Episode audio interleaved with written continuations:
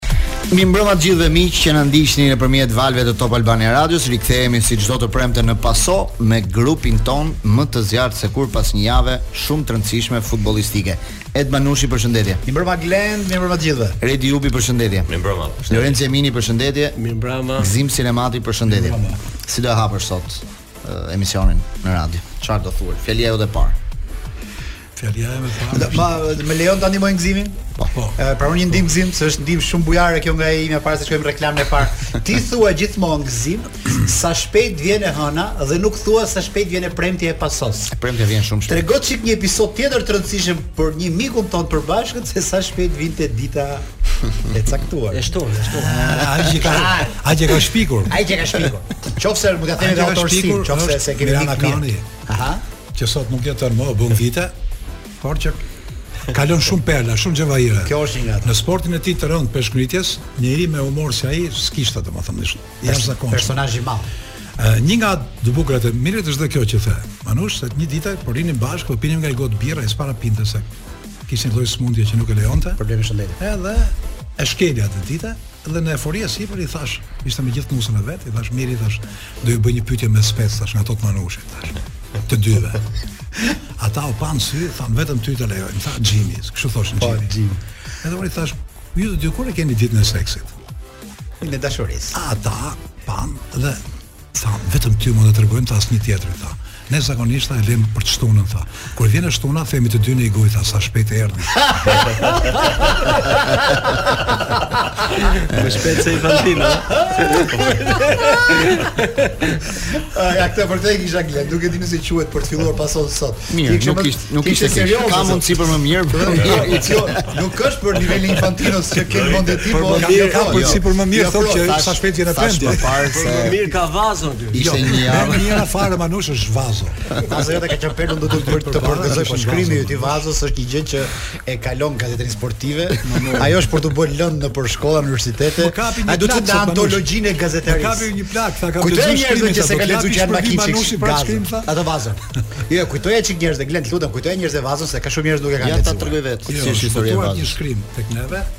Para dy ditësh që Kombëtarja dhe vazo që mban erë të keqe.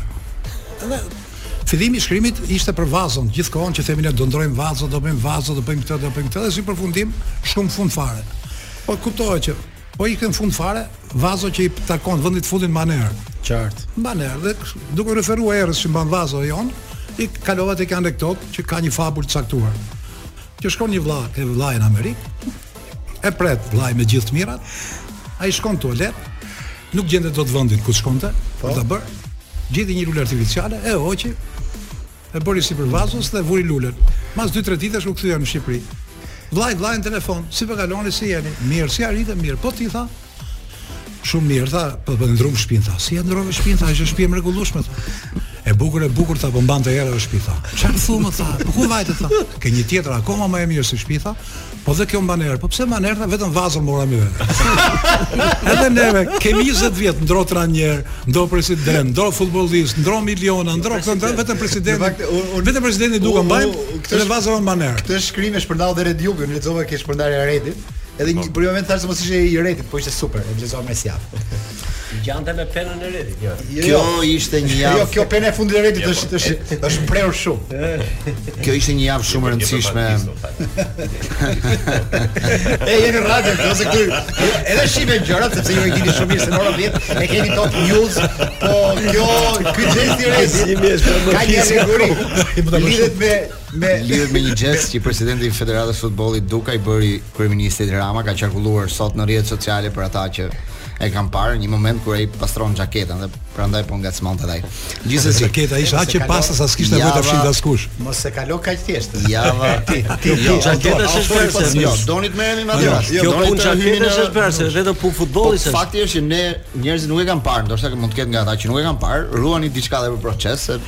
A ti kush është kur vepra Manush se ky do ta kaloj kështu se ky jo, është ai. Jo, ka lënë fare. Patronazhist jo. Kam çështje të tjera për të po, diskutuar. Kjo çështje është më e rëndësishme nga të gjithë. Pse? Kur ai i fshinte mhm. xhaketën Ramës Duka, Infantino po shikonte. Edhe i them një shokut, shiko thashë ky gjëvon çiftet, çiftin e lumtur tonin. E ke pa filmin Çifti i lumtur? Edhe Duka me Ramën janë çifti i lumtur. Ai e shikonte kështu dhe tha, tani po e marr vesh unë, tha pse ka 20 vjet ky burri, tha ky i fshika xhaketën. Dhe një e fshi xhaketa që ka 4 vjet. jo, po merrem me këtë takimin e Infantinos sepse kjo është një javë e rëndësishme, nuk ndodh çdo ditë që një president i FIFA-s vjen në Shqipëri, inauguron për të disatën herë shtëpinë e futbollit të Federatës Shqiptare, pra selinë e Federatës Shqiptare, Do flasim për kombëtaren sepse ka patur zhvillime shumë të rëndësishme kjo javë. Mos harrojmë që reagimi i tifozëve ishte diçka e pandodhur ndonjëherë më përpara. Reagimi ndaj lojtarëve në fund do të analizojmë pak këtë situatë. Kjo çështje Asllani që u bë një një çështje me të vërtetë që na krijoi një situatë, një gjendje të keqe, sepse nuk mund të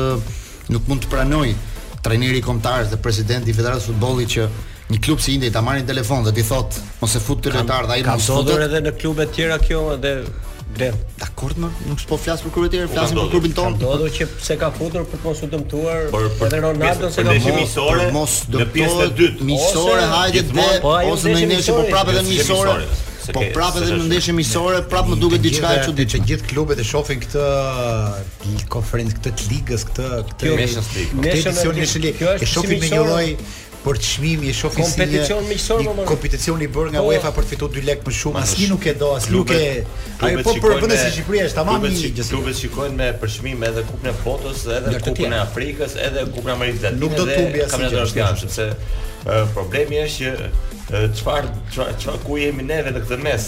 Si është Gazzetta dello Sport? Po si organizohet Corriere dello Sport? Shkruante që feder trajneri i kombëtares shqiptare Reja dhe Federata e Futbollit i dhanë një asist të rëndësishëm Interit.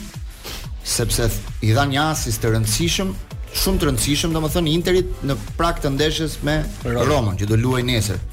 pas një telefonate të bërë ndaj Rejës dhe dhe Federatës së Futbollit, ndoshta nuk e di nëse ka qenë presidenti apo dikush tjetër, thotë për të riz, për të kursyer Asllanin në ndeshjen me Islandën. Si presidenti i Interit. Jo, jo. Po më Inzaghi jo, jo. ka marrë telefon Rejën më çfarë? Po pra po. Inzaghi Inzaghi thotë ka marrë Rejën në po, telefon po, dhe Federatën e Futbollit nuk e sakson nëse është presidenti apo është dikush tjetër. Jo, Vedi, këtu ka një gjë se Unë Ky të paktën është lajmi Corriere dello Sport. Po. Edhe edhe aty duke parë ndeshjen, jam jam habitur shumë madje thashë në koment, do, si ka mundësi që Asllani mos aktivizohet asnjë minutë. Ë vërtet Asllani nuk ka bërë shumë mirë në ndeshjet që ka luajtur me neve. Por ky është një nga një nga rastet e lojtarëve të trajtuar jo mirë. Ai nuk ka luajtur asnjë ndeshje në pozicionin e vet. Shikoni, ë unë ndjek një nga këto gazetat e mëdha të përditshme italiane, Asllani është viçe Brozoviç, kështu po. është marrë, kështu do luajë, ky është pozicionimi i tij në fushë, për atë është bërë investimi. Dhe sa herë flasin, është një nga lojtarët mm -hmm. e rëndësishëm në në në atë në panoramën e futbollit të Interit. Shumë e çuditshme. Shumë në pozicionin e Gjasulës në kombëtare. Po, ky sa herë ka luajtur me kombëtaren tonë, ky ky nuk ka luajtur asnjëherë në atë pozicion. Ky ka luajtur ose aty ku luajti Bajrami, qendër majtas, ose djathtas ose qendër, pra asnjëherë dhe Ëh, përderisa Interi, përderisa Interi, këtë lojtar e konsideron Vice Brozovic, që për mua Brozovic është një nga lojtarët më të mirë në pozicionin e tij, më të mirë në botë. Edhe jo. më të rëndësishëm po, sidomos. Jo, jo, jo në Itali. Ë, atëherë është e pamundur se si ky lojtar kur vjen këtu transformohet. Kjo do të thotë që ne nuk e fusim atë në kushtet ose në atmosferën e duhur që ai të japi 100%. Kjo është në rregull. Dhe tjetra tjetër gjë është që një federat, një trajner i një kombëtare në radhë të parë kuron interesat e tij, jo interesat e, e klubit nga i cili vjen lojtari. Dhe ky është gabim shumë i madh. Kjo është e rënda dhe jo gabim i madh. Jo gjithsesi. Bëjmë ndërprerjen tonë të parë dhe rikthehemi më pas me diskutime përsëri për kombëtaren dhe ngjarjet e fundit sportive. All right, all right. Albania Radio. I need a clean version for radio. I ain't got To say. Radio me këngë të pastra, por me mendime të pista.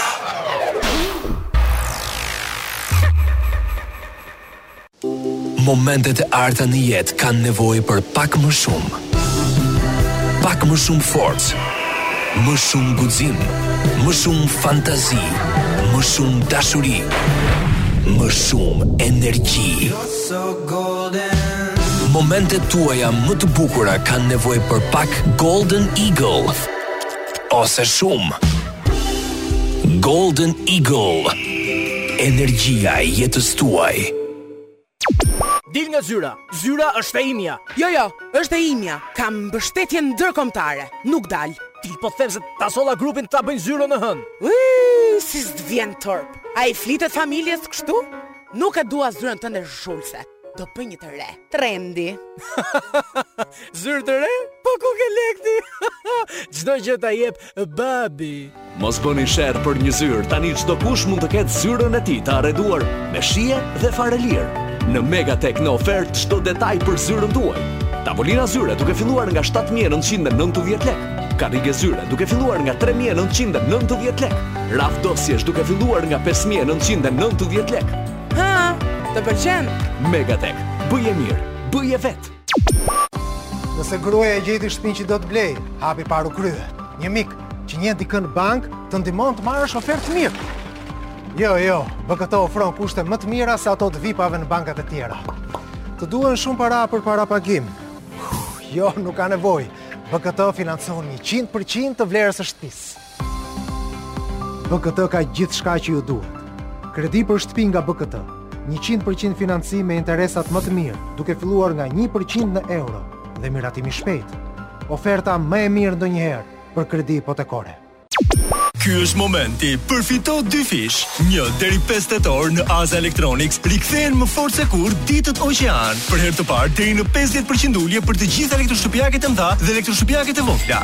Dhe nëse i merr me këste, merr gjithashtu dhe 60% ulje në interesat e financimit. Eja, vetëm 5 ditë, kape momentin dhe përfito dy fish. Oqean, dikush që mund t'i besoni. Ekskluzivisht në Aza Electronics, miku juaj i çdo dite. Cristiano Igues! Paso në Top Albania Radio.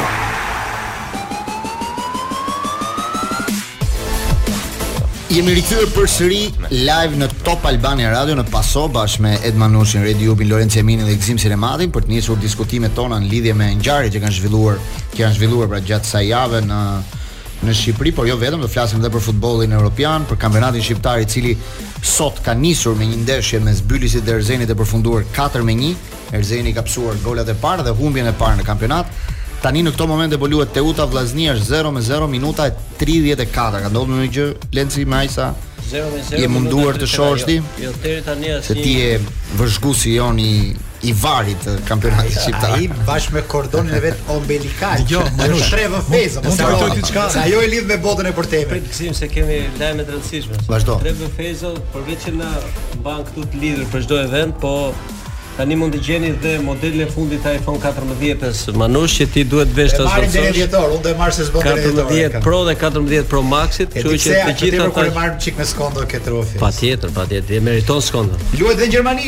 Lenci. Dgjoj. Bajë në minutë me bajë për kusht. Më mos e harroj. Po, Kam një detaj. Në momentin do bëjmë një lidhje telefonike para në disa kohësh. Direkt në Allianz Arena. Më fal, para disa kohësh në emision kam thënë Manush që edhe varrin kontrollon presidenti Duka. Ti më thoje se ka mundësi të futet furgona i thë.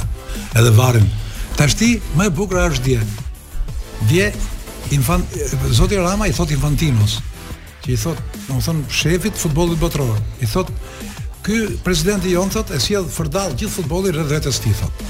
Dhe der ke varri shkon thotë dhe shefi i VAR-it është kështu. I vendos vetë tha dhe rastet. Tashi përgënjeshtroje kryeministin se mua më ke thënë që nuk është e vërtetë që një president merret me varrin. Po ti se po, tregoj deri në fund.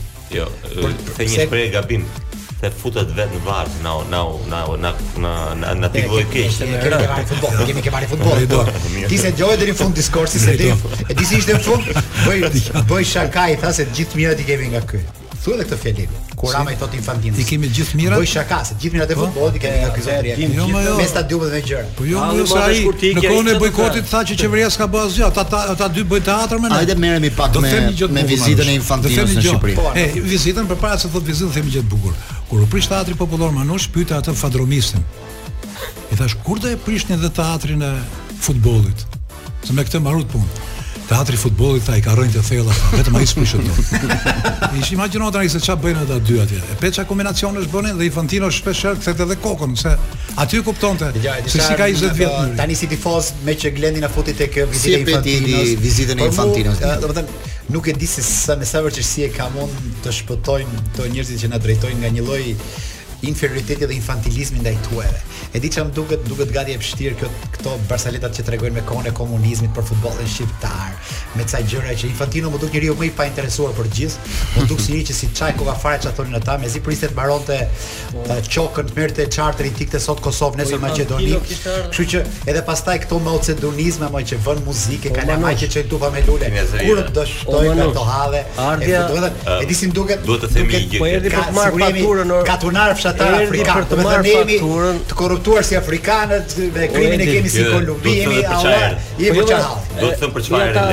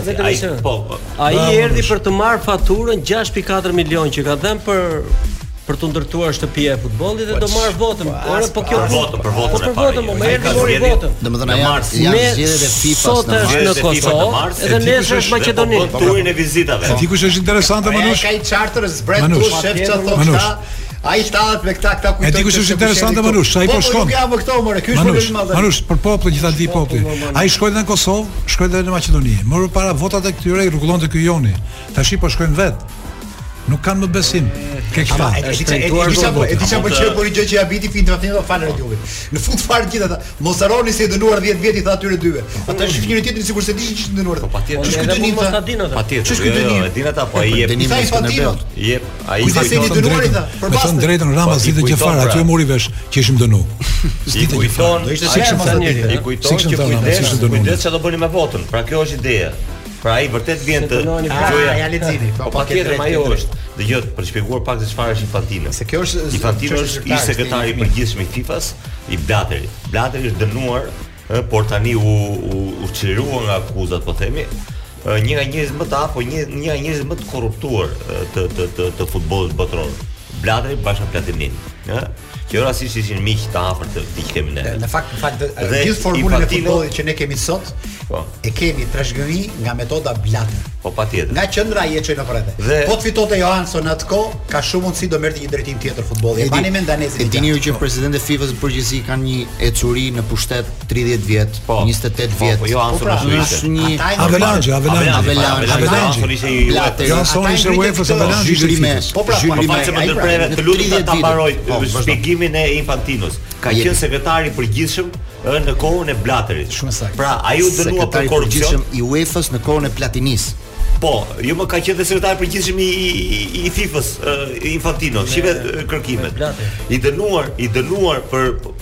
shefi i tij apo dy shefat e tij të dy bashkë të dënuar për korrupsion dhe ky që sekretar i përgjithshëm që çdo gjë kalon me firmën e tij, po themi, ë promovohet në në president nga sekretar në president. Pra, kjo është një deal.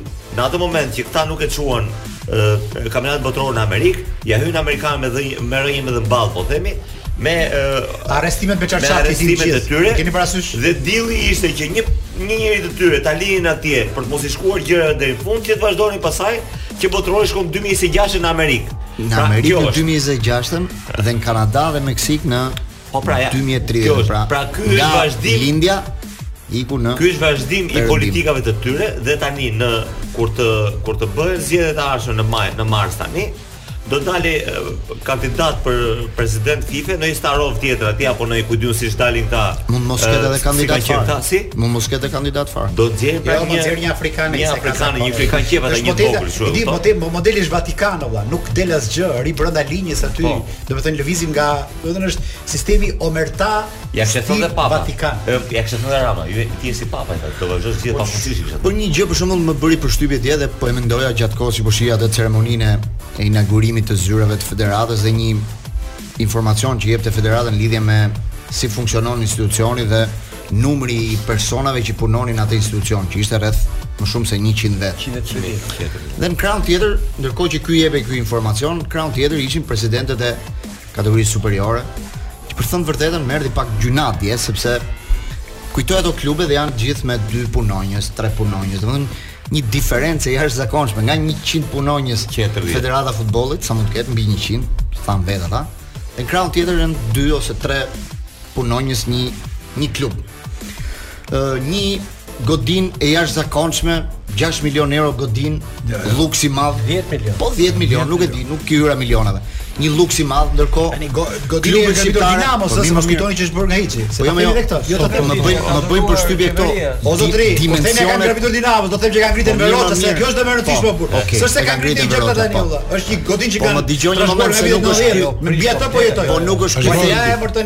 A e di ç'ka ky thelbi? Po nuk është ky thelbi që po thoja, po thoja për dimensionet e diferencave kaq të mëdha ndërmjet Federatës së Futbollit që duhet të jetë ajo që duhet të shpërndajë për të tjerët dhe klubeve që nuk kanë një godinë, nuk kanë një zyrë, nuk kanë printer, nuk kanë faks, nuk kanë asgjë. Prit një sekond, mbaroj një minutë vetëm.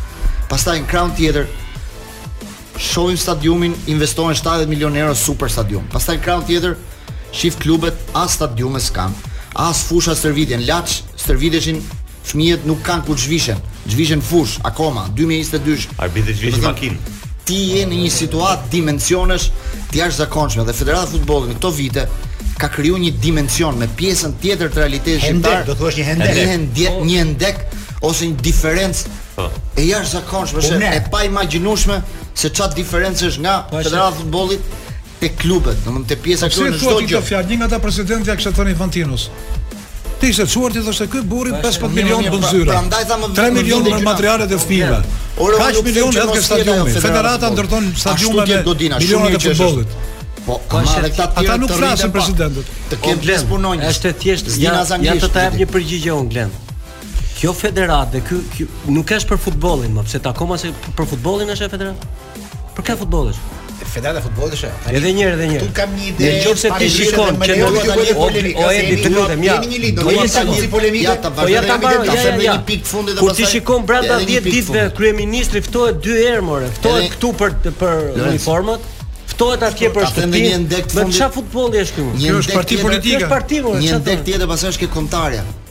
Kombëtarja dhe kampionati, ça diferencë e frikshme.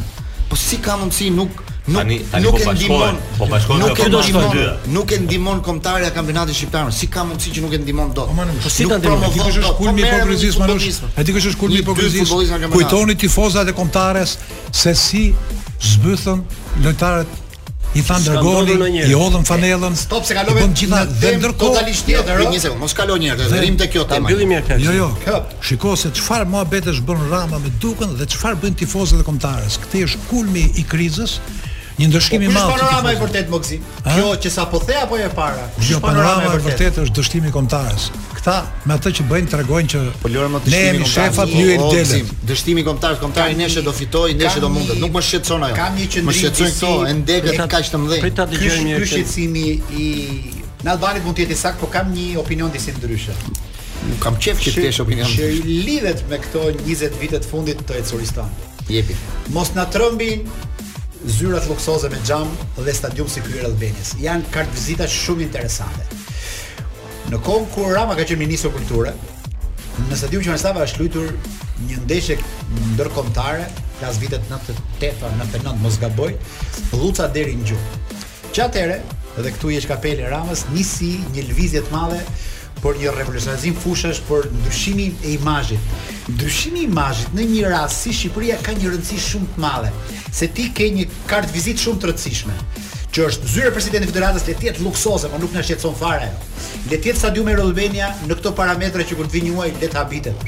Ç'përgjegjësi kanë këta ose si këta mund të ndihmojnë klubet? Është një tezë. Po klubet në kushtet tona e pavarësisë totalisht kapitaliste, përveç se ai të çojë ndonjë tapet fushë ke ato, ndonjë uniformë apo ndonjë ndihmë tjetër në ndarjen e të drejtës televizive apo të ardhurave nga UEFA,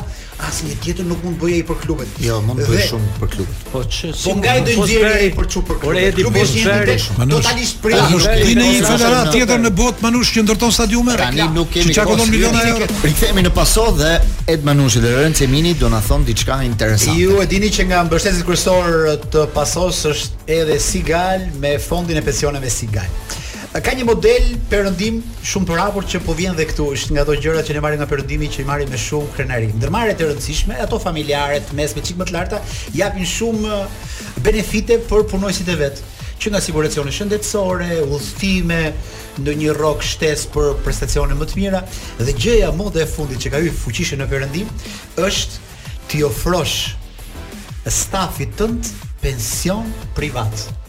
Ça do thotë? Kjo tregon që ti ke një dashuri për punonjësit e tu, ai ta kthen këtë 10 fish në cilësi dashuri në mënyrë bashkëpunimi dhe këtë gjë në Shqipëri ka filluar ta bëjë gjerësisht ë gjithë ndërmarrjet tona duke u mbështetur tek fondi i pensioneve Sigal. Pra ti tregon që je lider në treg kur i ofron stafit pension privat Vullnetar Sigal. Dhe kompania shpenzimet që ka për punonjësit i merr në mbrapsht në shpenzime. Qartë, por quhen si shpenzime, kjo është e rëndësishme. Sepse jam i sigurt që mbas shumë viteve shqiptarët do na falënderojnë ne për këtë nismë që ju kemi marrë, që dhe për pensionin që do do marrin. Ata kanë përveç llogarisë në fond që e cila rritet me interesa dhe përfitoni bonuse, ka deri në tridhjetë për qind zbritje për shërbimet mjekësore në spitalet dhe klinikat e rrjetit Sigal Wow, po kjo është kjo është e tmerrshme, shumë e po, rëndësishme. Kanë 50% po. zbritje në fizioterapi në klubin e shëndetit Sigal, 25% ulje në sigurimin e pasurisë dhe apartamentit, po, dhe 15% ulje në sigurimin e automjetit Kasko. Të pra, gjithë gjith kjo paketë po i shtohet të, të shton në ndihmë në rast se ti bën fondin e ecur. Ej, oh, vraponi dashur miq, zgjidhni të ardhmen, po dhe hallet të menjëhershme të ditës. Ecim te. Redi, kishe uh, diçka për të thënë. Kthehemi ke ke për temën që po flis. Ajo ajo që tha, ajo që tha Manushi duket sikur është ekzakte dhe uh, korrekte kështu në në, uh, do të thënë në në pamje të parë. Në pamje të parë, por nuk është fare kështu. Ma ndani në dy faza, do të thënë. Atëherë, atëherë po them.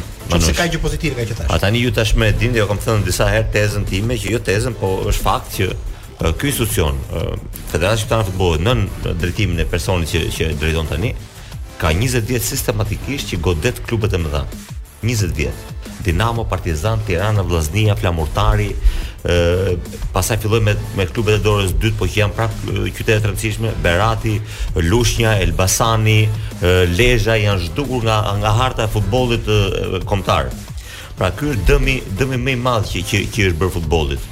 Pra mund të bënte politika të tjera, në mënyrë që klubet të ishin të pavarur financiarisht. Në qoftë se ti fut në në superiore, e mbështet dhe ne e dimë se si i futën dhe si i nxjerrin këta. Një qytet që ka një një qytet me 3000 banorë, e që ka skuadrën në superiore, po themi, patjetër që ai do jetë i varur dhe do jetë vasal dhe e, lypsar me sytë nga nga presidenti i federatës e, për lëmoshe të herëpashershme. Me 3000 veta e, banorë, ti nuk mund të sjellësh dot as as 200 veta në stadium. Më kupton? Pra, këtu ka pasur një një politikë të tillë. Madje madje, un po them një gjë që klubet deri diku, ato klube që ti i anatemon po themi dhe nuk ja nuk ja nuk të pëlqen mënyra e tyre e organizimit dhe strategjitë që kanë. Detyrat e tyre të shtëpisë deri diku nuk është se i kanë bërë keq në këto vite të fundit me mundësitë që ka ky vend. Por ama atyre ja ka zbrazur stadiumet institucioni. Ktu ka qenë një një një një politik shumë e fortë, ëh, për zbrazjen e stadiumeve. Ka qenë shumë rehata nga zbrazja e stadiumeve, se shahen në çdo stadium.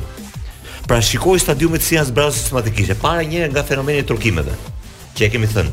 E dyta nga fenomeni i ë, i i paracaktimit të garës. Dhe këto janë tani tavani që kanë klubet. Çfarëdo që të bëjnë klubet tona, të ardhura më të rëndësishme në një në një vend si Shqipëria, nga biletat do t'i kenë. T'i lëmë eh, këto muhabetet e sponsorizimeve, eh, merchandise-it dhe të drejtave televizive, se këto do jenë gjithmonë në nivele shumë të ulëta. Pra me të ardhurat e biletave, si nuk e gjin këtyre gjëra që thua ti. Por çfarë të keqe e ka se kemi një zyrë luksoze për një president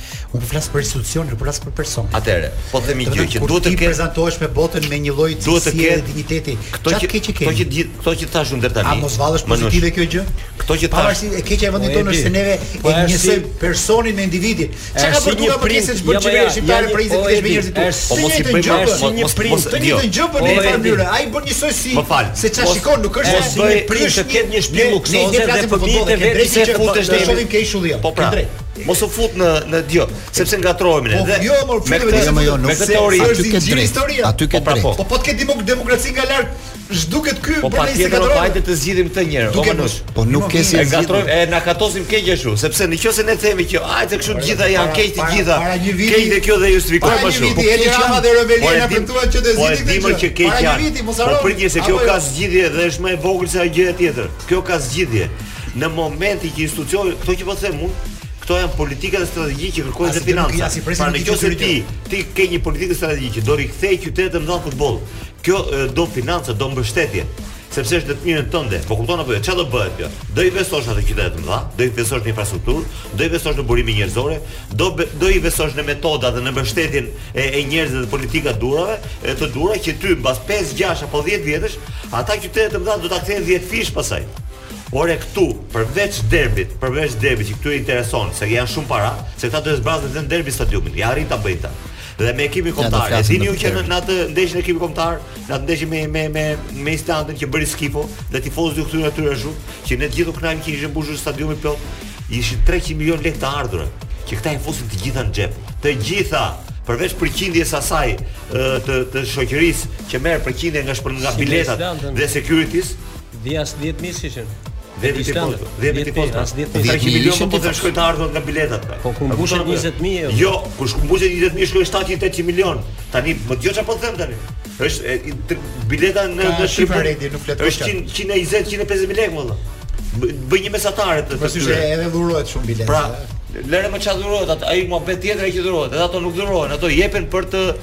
për mbështetje dhe për dhe për favore elektorale të Manush, dhe ajo fushata që u bë të mbështesim kombëtaren, ishte fjala për prani në stadium. Nuk ishte mbështetje morale, ishte për të shit bileta. E kupton besoj. Ore t'i shesin biletat me gëzim. Po paratë t'i çojnë në investime. Dolën njerëz në fushat, njerëz, u përdorën dhe er- emra të mëdhenj Manush. U përdorën emra për atë punë. Kam vite që merrem me futboll dhe vende të tjera.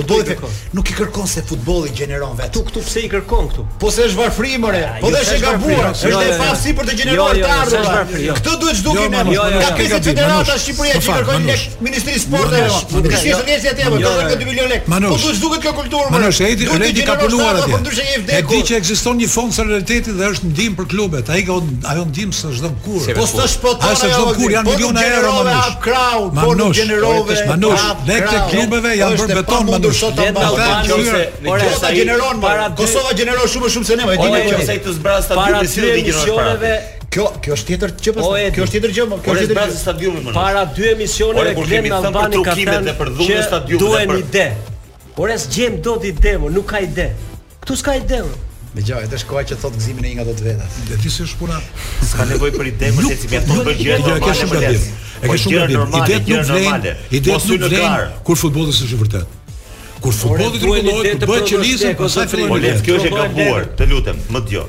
Se gjithë këto ide inovacion, s'ka nevojë fare. Ore mos hyr në garë. Lëre, lëri klubet të punojnë të qetë. Lëre. Po ajo është tjetër gjë. Lëre jo, të dalë kampioni ai që meriton.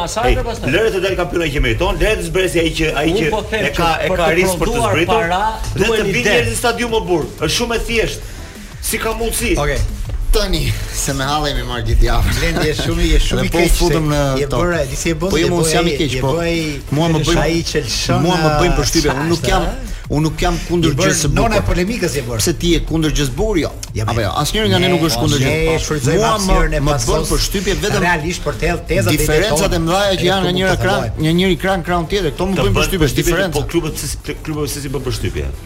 Po ku do të thotë? Pse e pranojnë? Pse e pranojnë klubet atë? U bënë 20 vjet që e pranojnë, dhe unë po ju themi gjithë tani. Përveç dy ose tre klubeve, asnjë tjetër nuk e pranon me qejf. E pranojnë nën kërcënim të zbritjes nga kategoria, të mos licencimit, të të të të me komisione disipline dhe apeli. Oh, Janë të pakënaqur. Oh, pra nuk ka pasur një pakënaqësi më të madhe në ambientin e futbollit se sa se sa ç'është. Kam kam një pyetje për gjithë panelin. Ne jetojmë në Shqipëri. Ju e dini cilët janë 12 njerëzit më të pasur në Shqipëri. Më thoni këta 12 njerëz më të pasur të Shqipërisë, s'po them emra, zotërojnë këta ndonjë klub futbolli? Po të shkosh në Spanjë, Rendi është i pasuri ka Realin, pak më i pasuri, më të pasurit kanë një klub futbolli. Pse të pasurit në Shqipëri s'kanë një klub futbolli? Më jepni dot një përgjigje? E ke një gabim. Në Spanjë është lista me 12 të pasurit. Po marr shembull si Spanjë, apo? Këtu në Shqipëri lista është me 12 të kërkuarit, më të kërkuarit.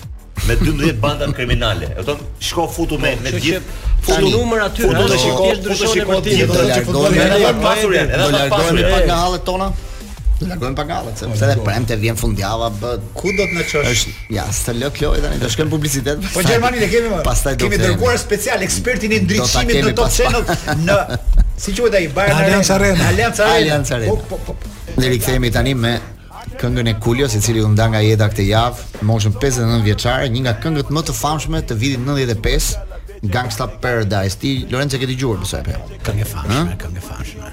Patjetër. E di sa klikime ka kjo këngë, sa herë është dëgjuar për shembull në Spotify?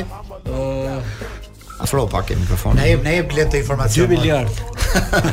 Një nga këngët që është dëgjuar më shumë se 1 miliard herë, domethënë. Imagjinoje se çfarë këngë e jashtëzakonshme. dhe ai filmi që ose mban mend me Michelle Pfeiffer shumë po. lidhet shumë tani siç ju premtuam do bëjmë një lidhje drejtpërdrejt me një tifoz ultra të Bayernit Mynih është Keli mjeshtri i ndriçimit Top Channel që gjendet në Allianz Arena përshëndetje Përshëndetje Manush Gjithë shumë në qeri Sa punë po se s'e di kush është në studio tash në këtë moment Redi Jupi, Lorenc Emini, Gëzim Sinemati Është grupi i pasos dhe më erdi një lajm nga regjia që ke Ore dëgjo një sekond ok më erdhi një lajm nga regjia që ke qerek ore që shikon ndriçimin edhe diçka s'kupton aty se ka ka ke ngec diku ke ngec diku ma shpjego ça ka ndriçimi i Allianz Arenës Ça ndriçimi kë ça po ti më oma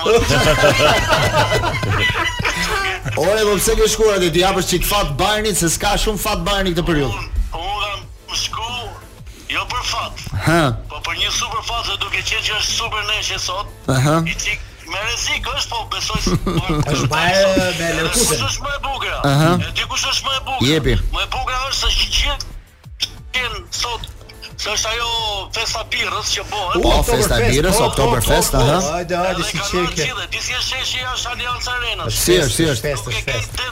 ça bëhet. Po salçiçe, ka salçiçe nga ato të trashat ato, ka salçiçe? Edhe edhe të holla, si janë salçiçet? Të të pyeti për salçiçe se është ai meraku i Gëzimit, ha. Po Kelo i ke vesh ato pantallonat e shkurtra që veshin këto këto gjermanët se ç'ka ca pantallona të shkurtra tipike po i ke vesh ato? I ke veshur pantallonat e shkurtra thot Manushi që veshin bavarezët.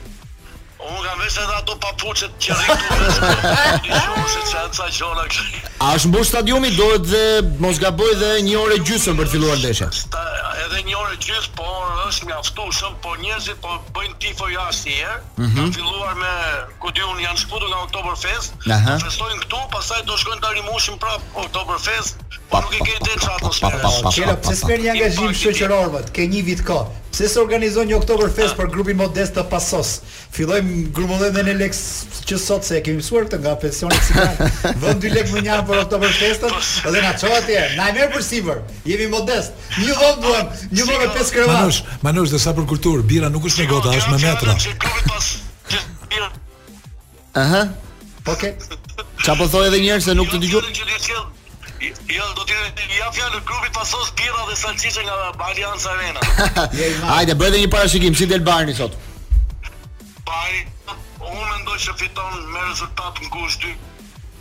2 me 1, 2 me 0, 2 me 0. Okej. Keli të falenderojmë dhe kalofsh shumë mirë sot atje në Allianz Arena. Shijo edhe për ne. Shijo edhe për ne. Shijo edhe për ne. Sot në fakt Manush është ndeshje ndeshje delikate e Bayernit, sepse luhet me Bayer Leverkusen, Bayern Munich, Bayer Leverkusen dhe është një situatë që Bayerni nuk e ka shumë në favorin e vet, sepse ka 4 ndeshje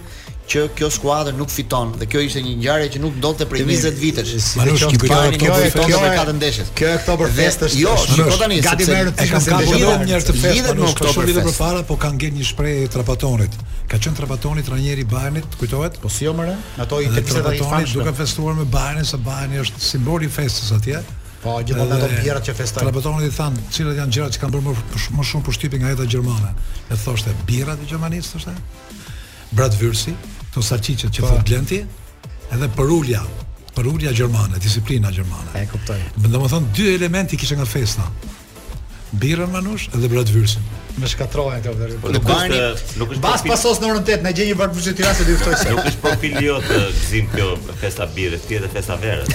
Më thuaj drejt. Jo, ka ka çeva që është me po, metra, është me po, metra kjo birra këtu. Po dhe kur s'ka fest verë, shkojmë në festa birre. Si tha? Më kujton një shprehje Redit. Është një mik i Redit që ka thënë. I tha miku Redit, do pish verë apo raki? Ai tha edhe birrë. Jo, disa kuriozitete për Bayern. Për shembull, Bayern javën e kaluar u mund në derbin me Augsburgun. Kishte 87 vjet që kjo skuadër nuk mbyllte një derbi pa shënuar gol. Imagjino pak, domethënë 87 vjet që e shënonte një gol. Nuk, nuk është e rëndësishme që vetëm ta fitojë, po këtë radhë as nuk shënoi. Dhe situatën nuk e ka fort mirë, është jashtë zonës Champions League dhe po e bën pak Bundesligën më të bukur këtë vit, ndryshe nga ajo nga i rituali i i çdo viti që ata fitojnë me shumë lehtësi. Por në Champions League ama nuk nuk i viz asnjë Champions League këtë javë mos tjegull.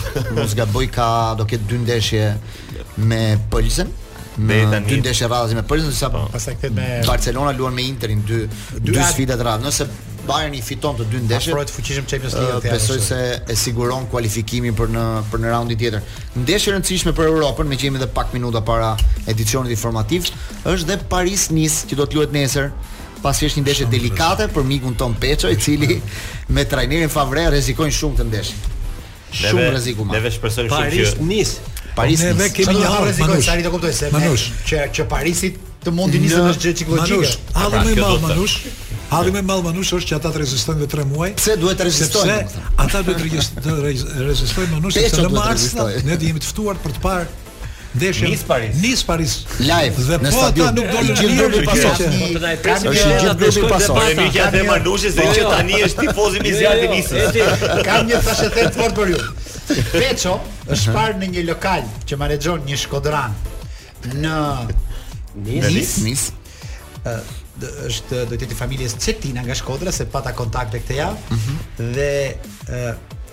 Zbuluan këta miqtë tanë që Peço është një zotni i rrallë që ka shkuar në Nis, po shumë i rezervuar dhe nuk del. Dhe unë i bëj thirrje tani se Peço ndjek gjithmonë Pason. Të dali të takojë shqiptarët atje se është një nga shumë prej tyre. Mos bëj si si nga Leskoviku. Edhe një diçka tjetër që nëse na i rezervojë jo, të zinxhirit. Po pra, jo, jo, ta lirojë zinxhirin, ta lirojë zinxhirin. Manush meqë jemi te Peço, Manush kur kam qenë Bazel unë, Redi dhe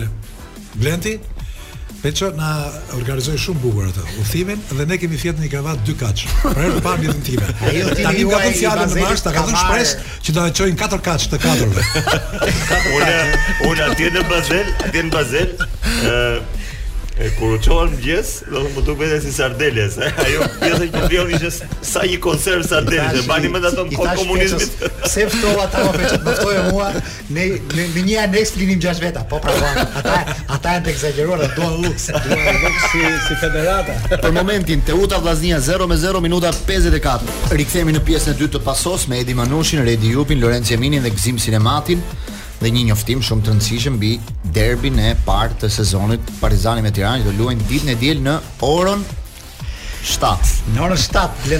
Dhe të papriturat kanë një zgjidhje. Thjesht kalo nga Iute Credit dhe merr paratë që të nevojiten në vetëm 7 minuta. Mbaro punë me Iute Credit në 7 minuta.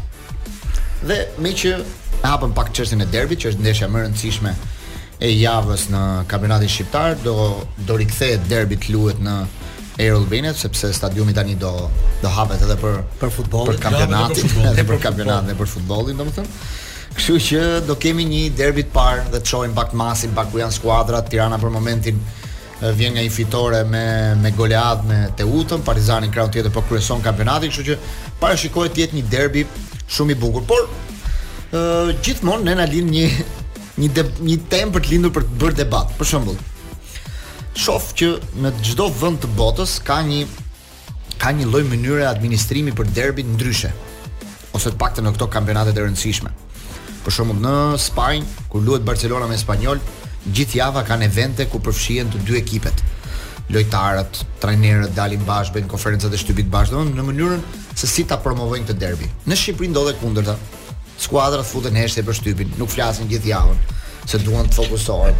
Është një promovim zero i derbit. Promovim zero i derbit. Dhe pastaj dhe pastaj befas presin që ditën e diel të mbushet plot. Ditën e diel stadiumi të mbushet plot. Edhe pyes dikë, i them ore, si ka mundësi Tirana futet në heshtje gjithë javën? Kur kjo duhet të jetë java që do të bëjnë evente, lojtarët duhet të flasin, duhet të çajnë ekranet, Për t'i thënë njerëzve ore shiko se luhet derbi do jetë ndeshje e bukur, hajde në stadium, pini një birrë, hani salçiçën e Allianz Arenës, gjitha këto jo, s'ka Tirana heshtje. Edhe ai tha, e di pse bën heshtje tha po. Se s'do tha që të vinë tifozë Partizani që Partizani të fitojë lek nga derbi. M'u duk jo. një gjë, m'u duk një gjë shumë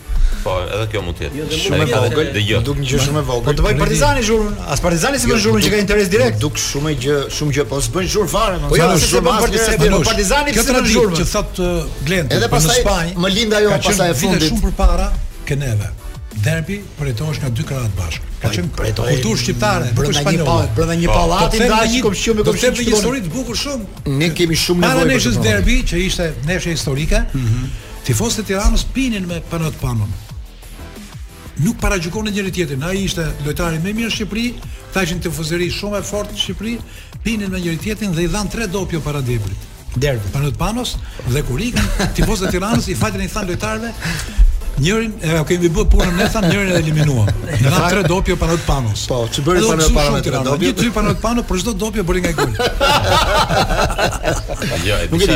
E keni dhe ju këtë perceptim që nuk ka një lloj promovimi të fortë po, nga klubet pak? Po, është promovim i gabuar, po siç ndodh shumë shpesh, por e di çfarë mua më habit që për shembull ë këta mundohen të jenë shumë agresiv me njëri tjetrin gjatë gjithë javës, ë madje promovojnë dhe gjëra që janë jashtë jashtë etikës, po themi të rivalitetit, ë dhe pastaj në fushë janë si pula, nuk nuk shikon asnjë lloj ë po themi ndërhyrje prej derbi ose prej rivaliteti të ashpër ose prej prej skuadrës që të ketë luftë të fortë sportive xixa kur i thonë, të dalin xixa në fushë.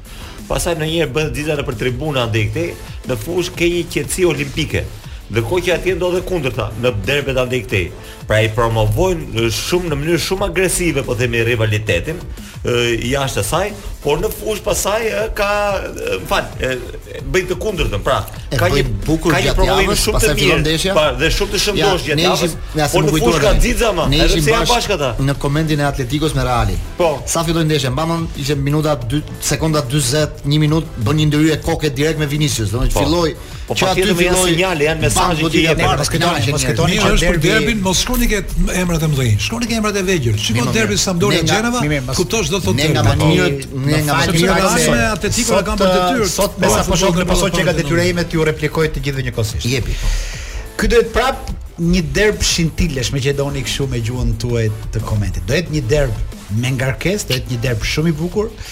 Unë mendoj me kontaktet e mia që kam, stadiumi do ketë një mbushje shumë më shumë se të kënaqshme, ka interes për bileta dhe mos kujtoni që nuk do i ketë gjithë pritshmëritë e derbit. Urojmë që të ketë cilësi pak më shumë në fushë se nuk kemi Tiranën dhe Partizanin në nivelet më të mira, po është një derbi që ne do na kënaqë të gjithëve. E them këtë se ndjen një atmosferë në qytet të Manush, do të thonë si që ndjen një atmosferë. Manush, ti the që do të kundërshtosh po. Kjo është shumë të mirë dy skuadra. Kto që the Manush, po, kjo aq po aq më mirë që do të thosh kjo që the Manush është e vërtetë Manush, nuk kundërshtohesh dot.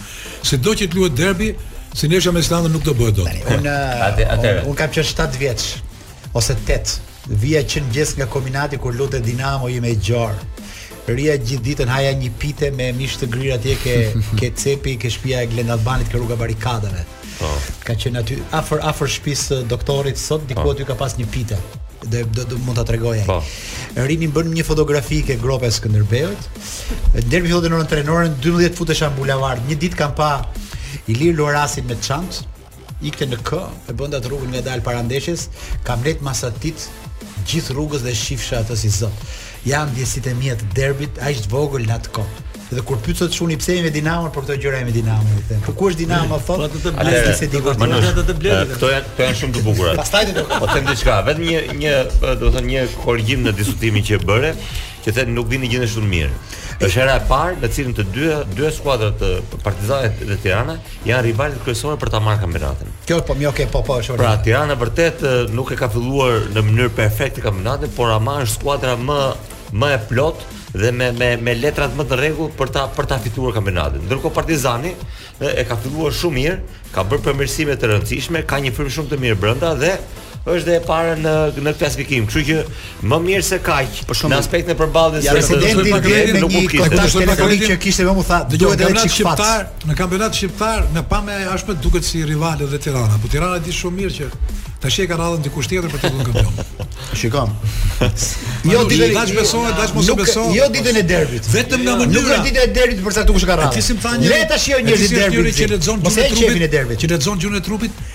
Dhe nga mënyra si e pastroi xhaketën ai tha, unë kuptova ekipin që fiton kampionatin. Jo, edhe një gjë tjetër që më bëri përshtypje. Shikoj që thoshte fati i mm. luftës vendoset nga higjiena e banjove. Pa, pa, pa, pa, pa. Jo, edhe një gjë që më bëri përshtypje për shembull, në përgjithësi kur është java e derbit, tifozët i rrinë shumë afër skuadrës, skuadrave, edhe Tiranës edhe Partizanit. Luajti Partizani në kupë me Orikumin.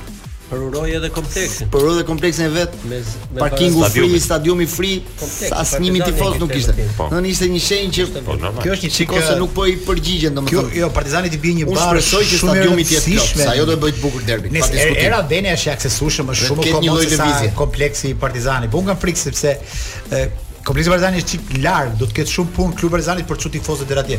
Është larg për njerëzit, se njerëzit duan komod stadiumin. no. Shiko, Tu në kur është Albania pa vin, lek, e, kanë pin Manush, kafe në gjithë stadiumin. kur është pa lek, Është atraktiv edhe e diel është ora tërheq. 7 nesër. Orari mirë. është perfekt. Ë, Manush ka pas të huaj që pyesin kur ka ndeshje në stadium, sepse Nuk është vetëm arsyeja e tifozëve, po duan të vinë të shohin dhe stadiumin. Kan marrë vesh që është më i bukuri në Evropë dhe s'do të humbin shancin. Dgjoj. Salçiçe, vurstel kemi atë. Tani në këtë hapësirë nuk kemi shumë kohë, po kur të rikthehemi, edhe Redi dhe Lorenci që kanë qenë protagonistë te derbi do na tregojnë nga një histori ose nga një episod që mbajnë mend ata nga derbi. Lorenci si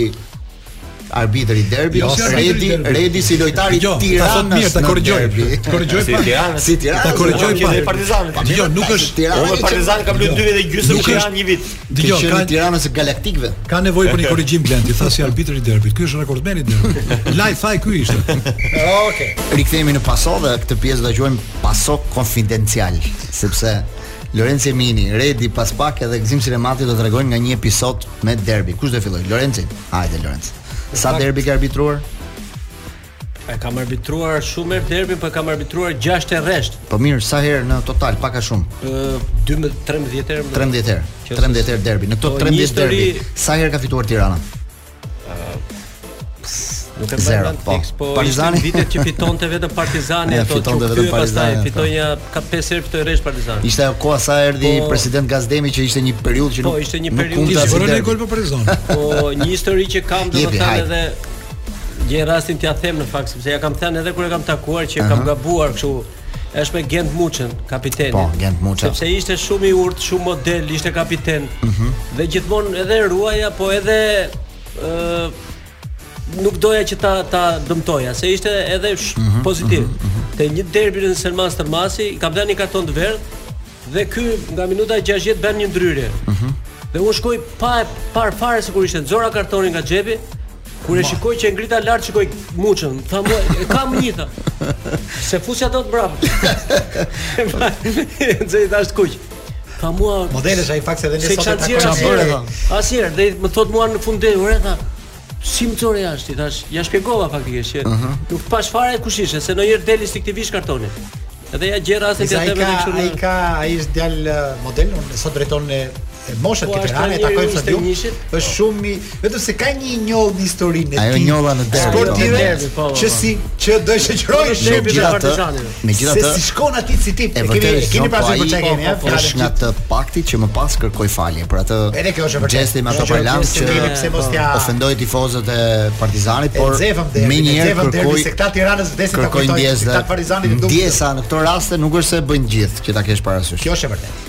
Konfidencial Gëzim Sinemati.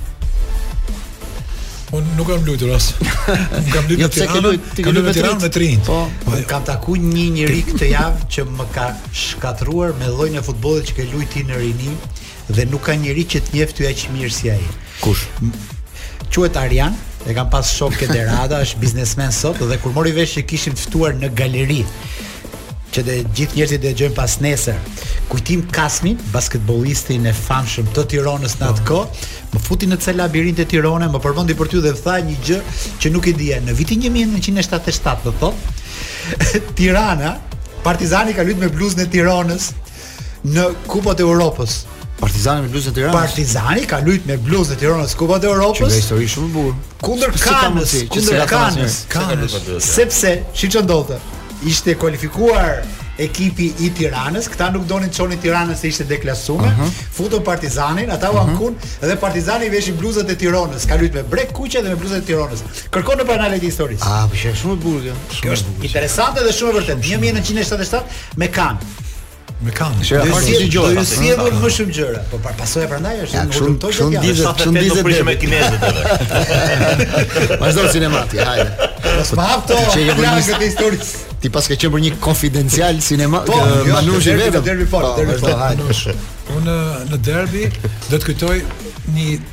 Derbi të Sokol Prengës.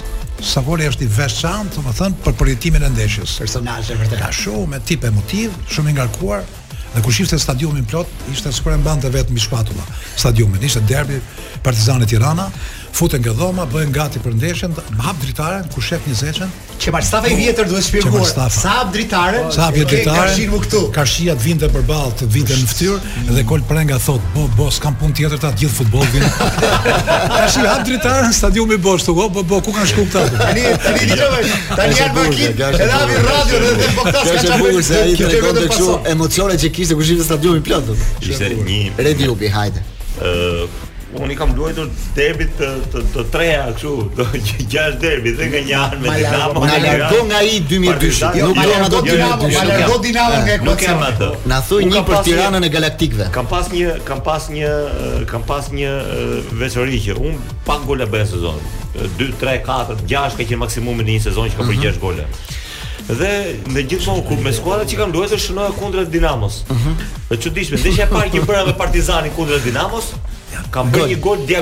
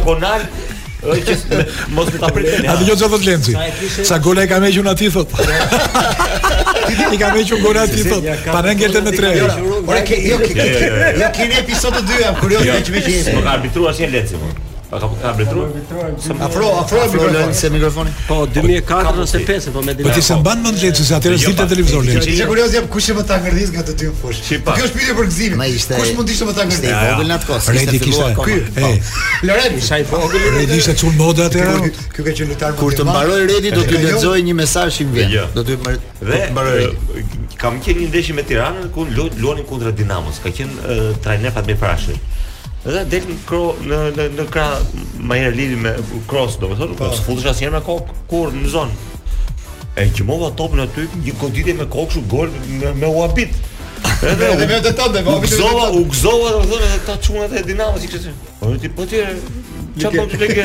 Si gëzoheshti? U një gol për anijet me kokë. Ç'do gëzohet. Ç'është ky muhabet? U zë bëj. I bëra un spash ku t'ia bëra. Kur lunte, kur lunte futboll Alban Bushi, ishte në një një skuadër të huaj dhe një herë donte që ndeshja të mbaronte me një rezultat që kishte në mendje ai. I erdhi një gol. I erdhi një top në minutën 89, se po po i bën vetë.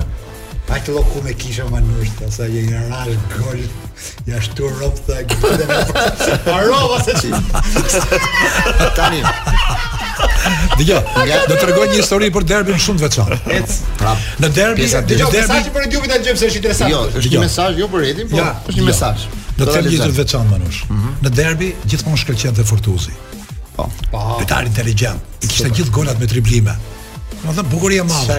Nuk kishte nuk kishte një gol të thjeshtë, ishte gjithë golat me zotësi. I veçantë, i veçantë. Dhe Fortuzi tani duke bërë gola, gjëra, po mungonin këto golat e Fortuzit nuk i kishte në arkiv miku jon Nand, Nand Lyka fotografi. 30 vjet fotograf, edhe i thoshte vetëm ty s'ka mund, gjithë i kap tha ty s'të kap dot, ti m'ikën nga publiku tha. Ti tha kur shënon gol tha do vish ke un tha. Mos ik ka publiku. I tha ai po qefi më i madh është të festosh me publikun tha ça të vi un ke fotografi.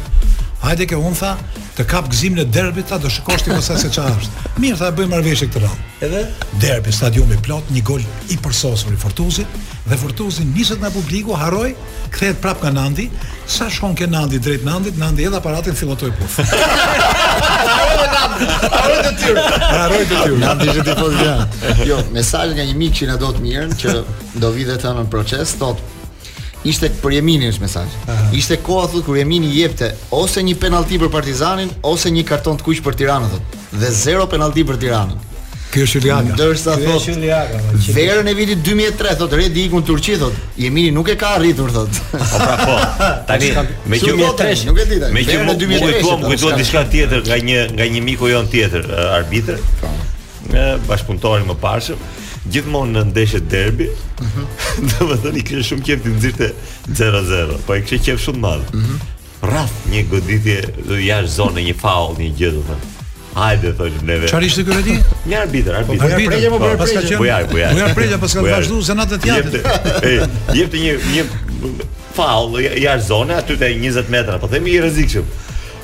Pa u nisur topi, prap bie bilbili dytë, faull në sulm. po do t'ia anullonte, ikte dhe koha ndërkohë, ëh se sa jemi fare sa jemi tjetër. Po ishte kështu në çdo ndeshje, sidomos kur bënim derbin atëherë, sidomos kur luanim me Teutën atëherë. Sidomos kur luanim me Teutën. Edhe më spektakolare ku er prekje ka pas kur lunte ekipi i bashkisë me Bledi Gonxha. Që i thoshte Gonxha, i thoshte i shkote Bujarit, thoshte ishte jashtë. Si jashtë më Bledi Gonxha nga 1 metër jashtë e fuste topin 1 metër brenda. Po është këtu më. Është brenda më kush do të jetë? Brenda më. Se më ngacmoi tani këtë modelin që thotë uh, Redi, ky ish modeli i viteve 2000. Kur arbitrat viheshin në vështirësi me rezultatin, Sepse ndodhte ndonjëherë që presioni i madh edhe i tifozerisë dhe mundohesh ta marrësh ndeshjen aty ku ishte. Unë i ndiqja se isha arbitër i ri dhe shikoja korne siç tha Redi ose faull, sa nisej topi binte bilbili. Dhe arbitrit i thoshe, po ku ish faulli? A ishte një model që edhe kur i pyesja më vonë më thoshte mua, shiko, këtë duhet ta mësosh se duhet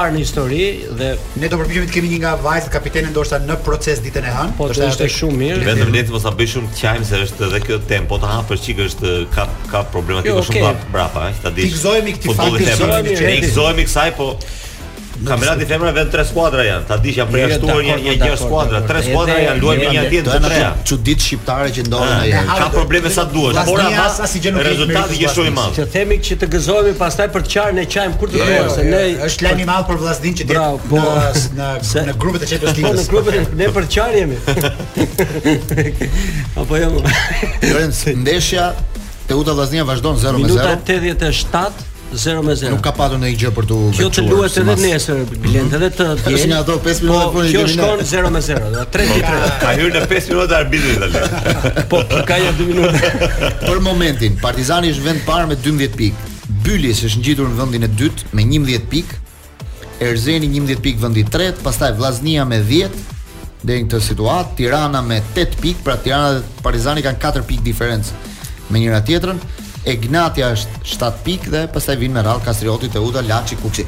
Vetëm se ka diçka, nëse fiton Partizani në këtë derbi, nëse fiton, bën një shkëputje prej 7 pikësh që do ishte një shkëputje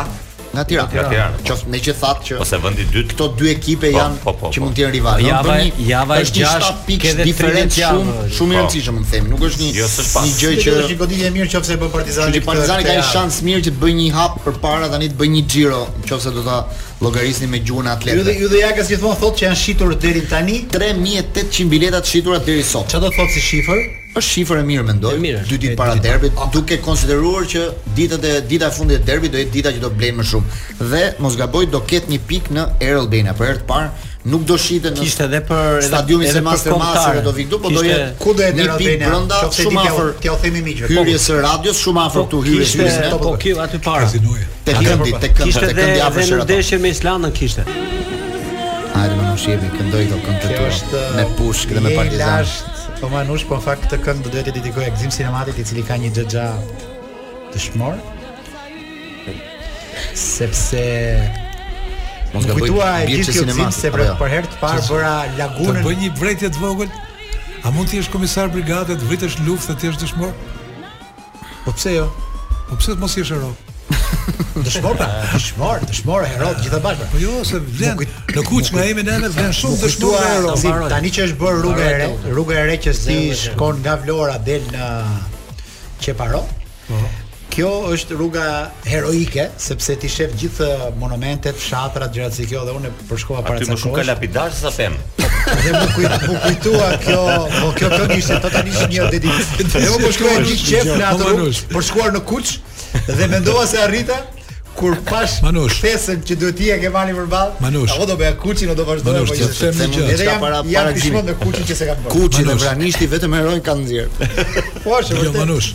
Lapidarat janë lapidarat që kanë qenë që atëherë, jo këta të rinjtë, se ka ca kanë vënë lapidarë të rinj, falsifikojnë luftën. jo, jo, lapidarat, mos u tall, lapidarat janë realisht ato jo, jo, jo, jo, janë bërë të rinj Manush që që i bëjnë familjarët vetë. Siç vënë emrin po, rrugës, vën tani, tani ka di ka një ka pas një traditë tani jo më pak kur ka pas aksidente anës rrugës bëjnë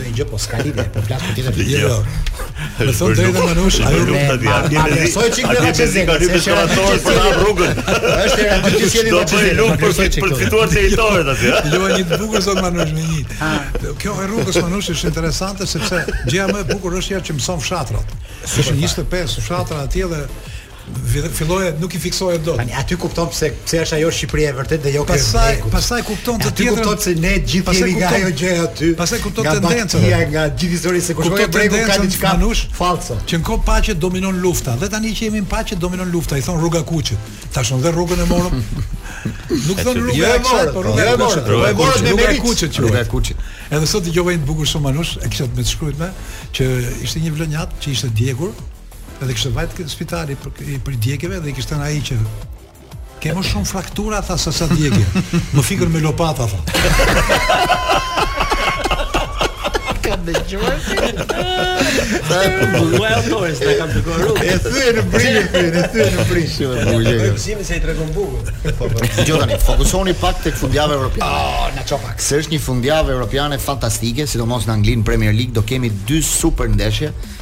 Nesër në orën 1 e gjysëm fillon dreka, domethënë përgatitu gati ti po, po. përpara dasmës që ke po, nesër për të parë Arsenalin me Tottenhamin, një super derbi me dy skuadra që janë dy vendet e para me me njërin krah Artetën, krahun tjetër Conte, që mund të mund të zgjatë kontratën. Ka një sapë të hapur sepse nga Champions League ajo që Tottenham i vjet Arsenalin, Në një ndeshje tre me zero që ka shënuar dy gola Harry Kane.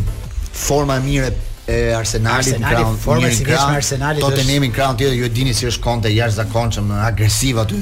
Që mund të ketë një shkëndijë siç ndodhi me me Tuchel me Chelsea, kështu që do jetë një super ndeshje. Arteta nuk është dashje qet. Super ndeshje në orën 1:30.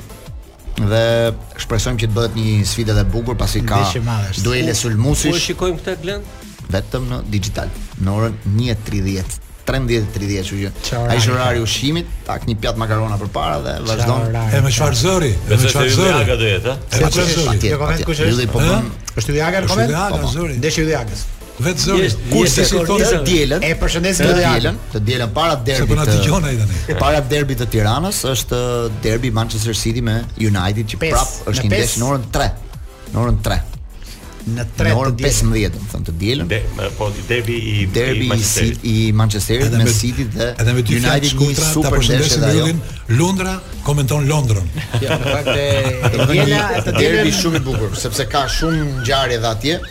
Mos harrojmë që Ronaldo kthehet me një sy të nxirë sot gjithë mediat rrinin në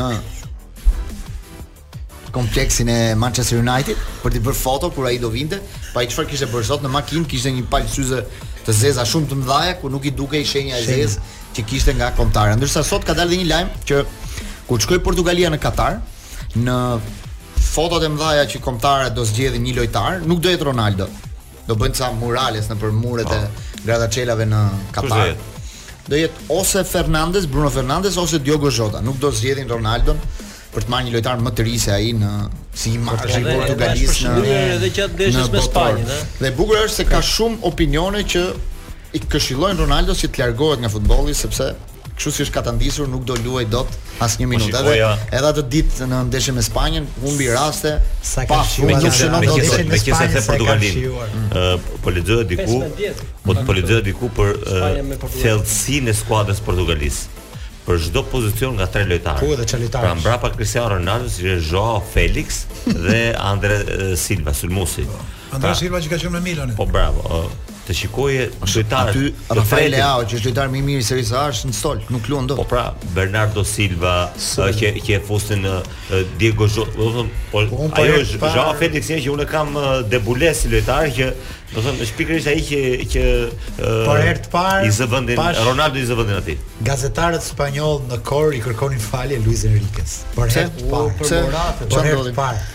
Sepse kanë gjithë kohës që e masakrojnë, e sulmojnë, e bëjnë në ndekë ti. Dhe tani, mbas ndeshjes, Luis Enrique doli me idenë që i lodha, bëra skemën, fitova, ça kërkoni më shumë? Jo, po, dhe i çoi në final four pa e ditë, parasysh, një falje... duke pas parasysh çfarë skuadre kishte përballë po, kjo e Portugalisë me yje pa fund, ata dhe Na fal maestro edhe gjithë na fal Luis. Ça plani ke tani, ça plani ke? Një falje duhet të kërkosh dhe ti për Moratën, ë? Pse? Ke gjithë kohën që ke lënë emisionin Moratën, për sa vetë për Moratën. Morata le pa gjum. Kujton një shokun Redi Jupi që ka qenë kombëtare shqiptare, që sa i shkonte topi aty për ta për ta stopuar thosha mos, bam 2 metra. Edhe sa shof Moratën aty, o zot, atë ditë e çau golin, kështu që i kërkoj ndjesë Moratës. Po Luis Enrique u bë u bë agresiv dhe në rrjetet e tij sociale sepse në fakt e kanë kanë postuar, kish postuar një foto të, të, të statistikave të të gjitha skuadrave europiane. Dhe Spanja qëndronte e para me të gjithë kompeticionet i dyti këtu i dyti etj në Final Four etj me radhë pra qëndronte me statistika skuadra pra mbas kësaj tha Italia ishte e dyta do të thonë mm -hmm. edhe pse kishte këto Hallet por më, më bëri përshtypje dhe sepse nuk e dija këtë atmosferën e prag ndeshjes në cilën ai qe i kritikuar për një, për disa një replikë ndaj atyre po, pra, po edhe po. kjo ishte kritikueshme që ai del e flet për skuadrat e tjera. E pe këtë. E pash po si edhe kjo është shkaktoi shumë polemika, sepse në fund fare ai konsiderohet një zyrtar i Federatës Spanjolle në fund fare. Po. S'mund marrësh ti spaletat dhe kompetenca për të folur ti për gjithë kombëtaret e botës Në formë filozofike të thuash ti ku jemi ne ku janë ata, të japësh leksione pavarësisht humbjes së Portugalisë, trajnerit portugez që atë e masakruan gati ne vet në në vendin e vet se me këtë skuadër që ke tha nuk arrite të mundësh Spanjën. Pra ka ka pas javë polemikash kjo. Dhe than, kupa më e parëndësishme në Europë, po pastaj më interesante se spanjollët bëjnë sikur s'i intereson gjëja, po kur tani që dolin kaq atje, a t'i durosh një muj para Katarit. Qe 6 milionë gjysmë premio për për për futjen në Final Four. me 10 milion euro për për fituesin. E, dhe e gjitha e elektrizon situatën për faktin që jemi një muaj para Katarit. Po, edhe kjo. Imagjino ti po. kish një status veçantë. Po. Demoralizuar atje dhe gjë. Interesant ishte edhe fati i Francës, ë, përcaktohet nga fitorja e Kroacisë, Franca dhe dorëzohet me me Danimarkën. Po. 3 ditë më parë bëri një ndeshje tjetër, tjetër lloj, nivel të lartë, pastaj ishte një Po çuditshme do Danimarka, Hungaria, këto gjëra unë do doja të diskutoj në një moment tjetër me Redi Jupin, domethënë se çfarë po ndodh sikur po vjen një valë e re ka një çik gjeopolitikë Trese apo nuk e di. Që ka që ka një rritje Hungaria ka një rritje domethënë cilësore shumë. Danimarka po po Danimarka ishte nga skuadrat më të mira në në në në Europianin e fundit.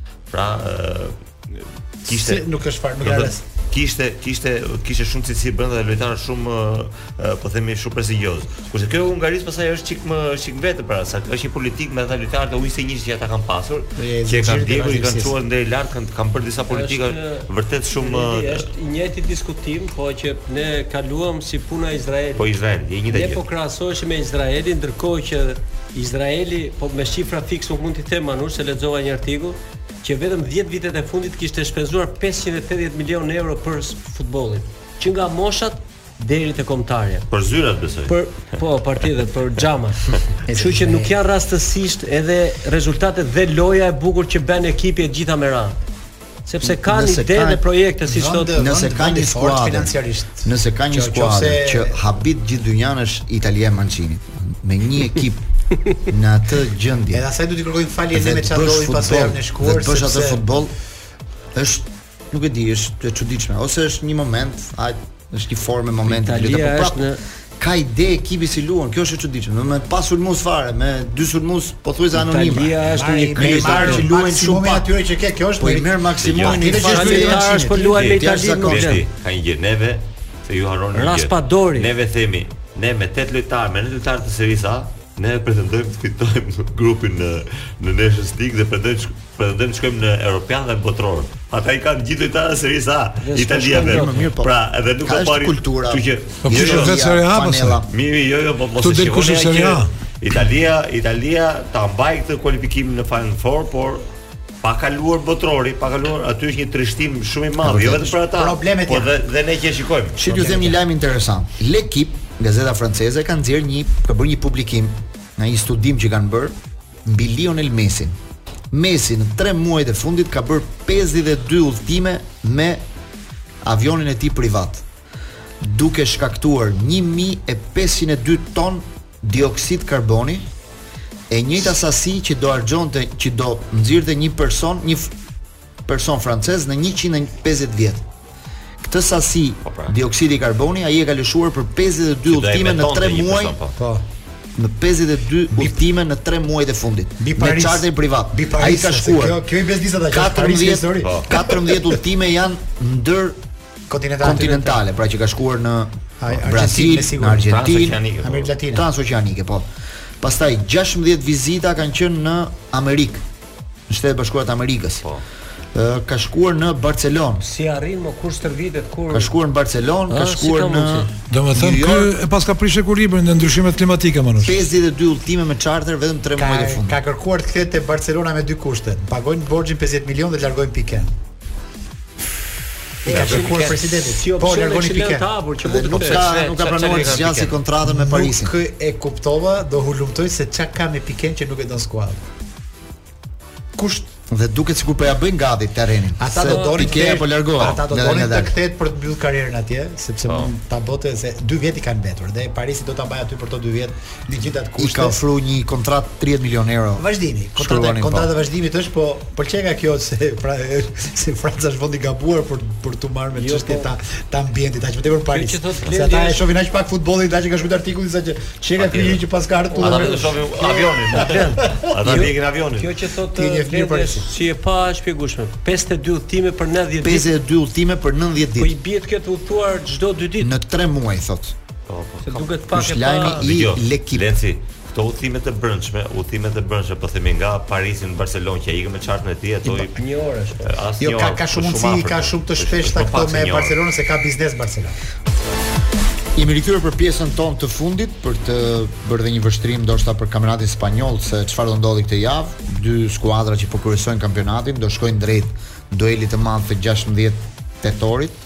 që do jetë mes Realit dhe Barcelonës. Reali këtë javë do luajë me Osasunën në në Bernabeu, ndërsa Mallorca, Barcelona do jetë ndeshja e të shtunës në mbrëmje në orën 21 ku do jetë dhe shansi për të parë Muriqin kundër Barcelonës në në ishull pra kjo ndeshje. Mallorca ka bërë një kampionat të mirë deri tani, po Nuk besoj që me me Barçën do po arrijë dot të Muriqit i ka ecur shumë shumë shumë, shumë mirë në në ka dhënë asist, ka bër gola. Kam, kam dëgjuar ca komente super për Muriqin, kështu që na duket sigurisht i përshtatet mirë. Qefi. Ajo situata e Kipros. Edhe me Realin bëri gol. Lloj lojtari. Fati lojtarit Redi kur ishim në Romë, në turneun e tenisit, Ai shoferi tha që është bërë një operacion për Muriqin tha do keni fituar para dhe ju rrezik. Po te Lacios është për këtë Muriqin. Muriqin zbuluar. Madje tani Muriqi Igli Tarën e sulmuan shumë për për operacion që ishte bërë. Por në fakt kjo është një një jo, e ka bler të plot më jo. Një ribim që ta e po, në raport me në raport me ata që kanë kritikuar, sepse po, po. gjendja e tij e mirë, ai u mor pikërisht për këtë që nuk e ka këtë atë, po po e jep tani te Majorka dhe me ekipin kombëtar. Talentin e ka të gjithin Muriqi, kështu që janë për t'u ndjekur dhe këto ndeshje të për ta parë me vëmendje Muriqin me Barcelonën. Ndërkohë që po ndiqni duhet. Një Vedat Muriqi është Muriqi është një rast që neve na na pëlqen sepse është një një nga lojtarët ai Uzuni për të promovuar, po themi, te djemtë e rinj, te fëmijët e vegjël, futbollistët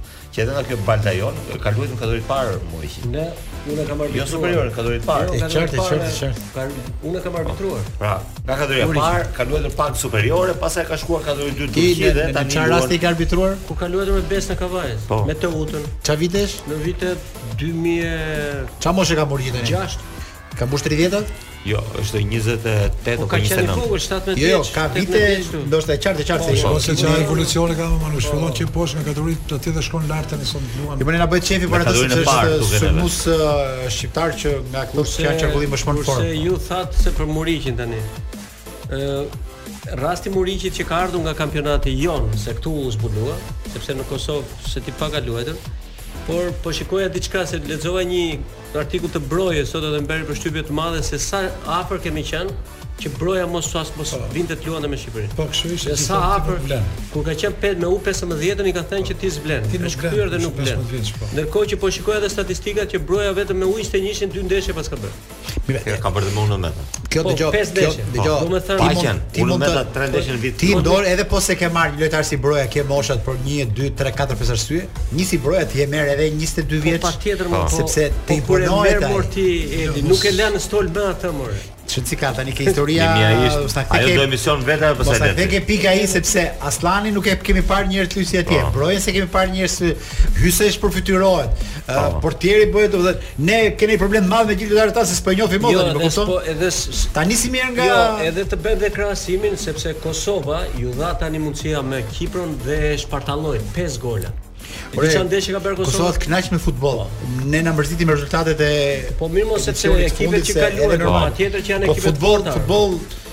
Unë nuk e harroj kurrë se çfarë mesfushë ka Kosova. Nuk luaj dhe të kënaqesh. Nuk diskutohet. Apo jo.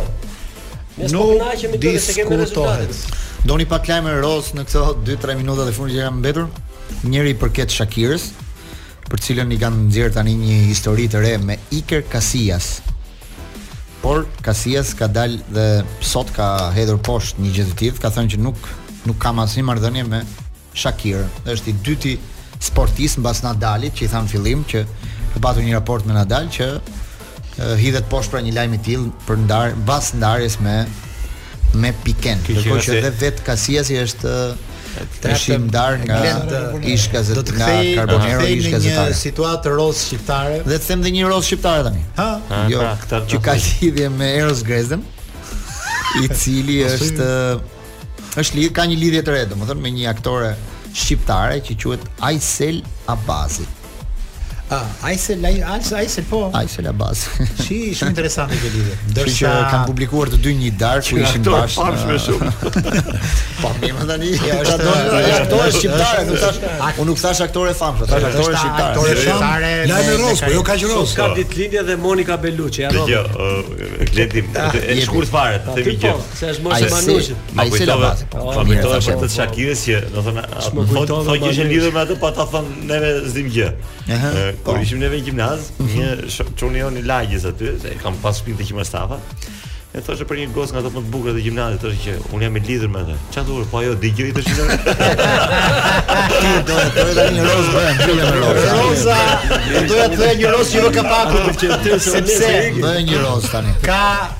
Personi është shumë afër nesh. Dhe në Paso para disa javësh, më duket, un kam deklaruar që ajo ka lidhje me një avokat italian, e cila nuk është fare e vërtet, është rasti Benjadës. Nuk është nuk është në lidhje me ajo nuk është spanjoll avokati. Avokat italian as spanjoll, ajo ka një dashuri të re, e cila është totalisht shqiptare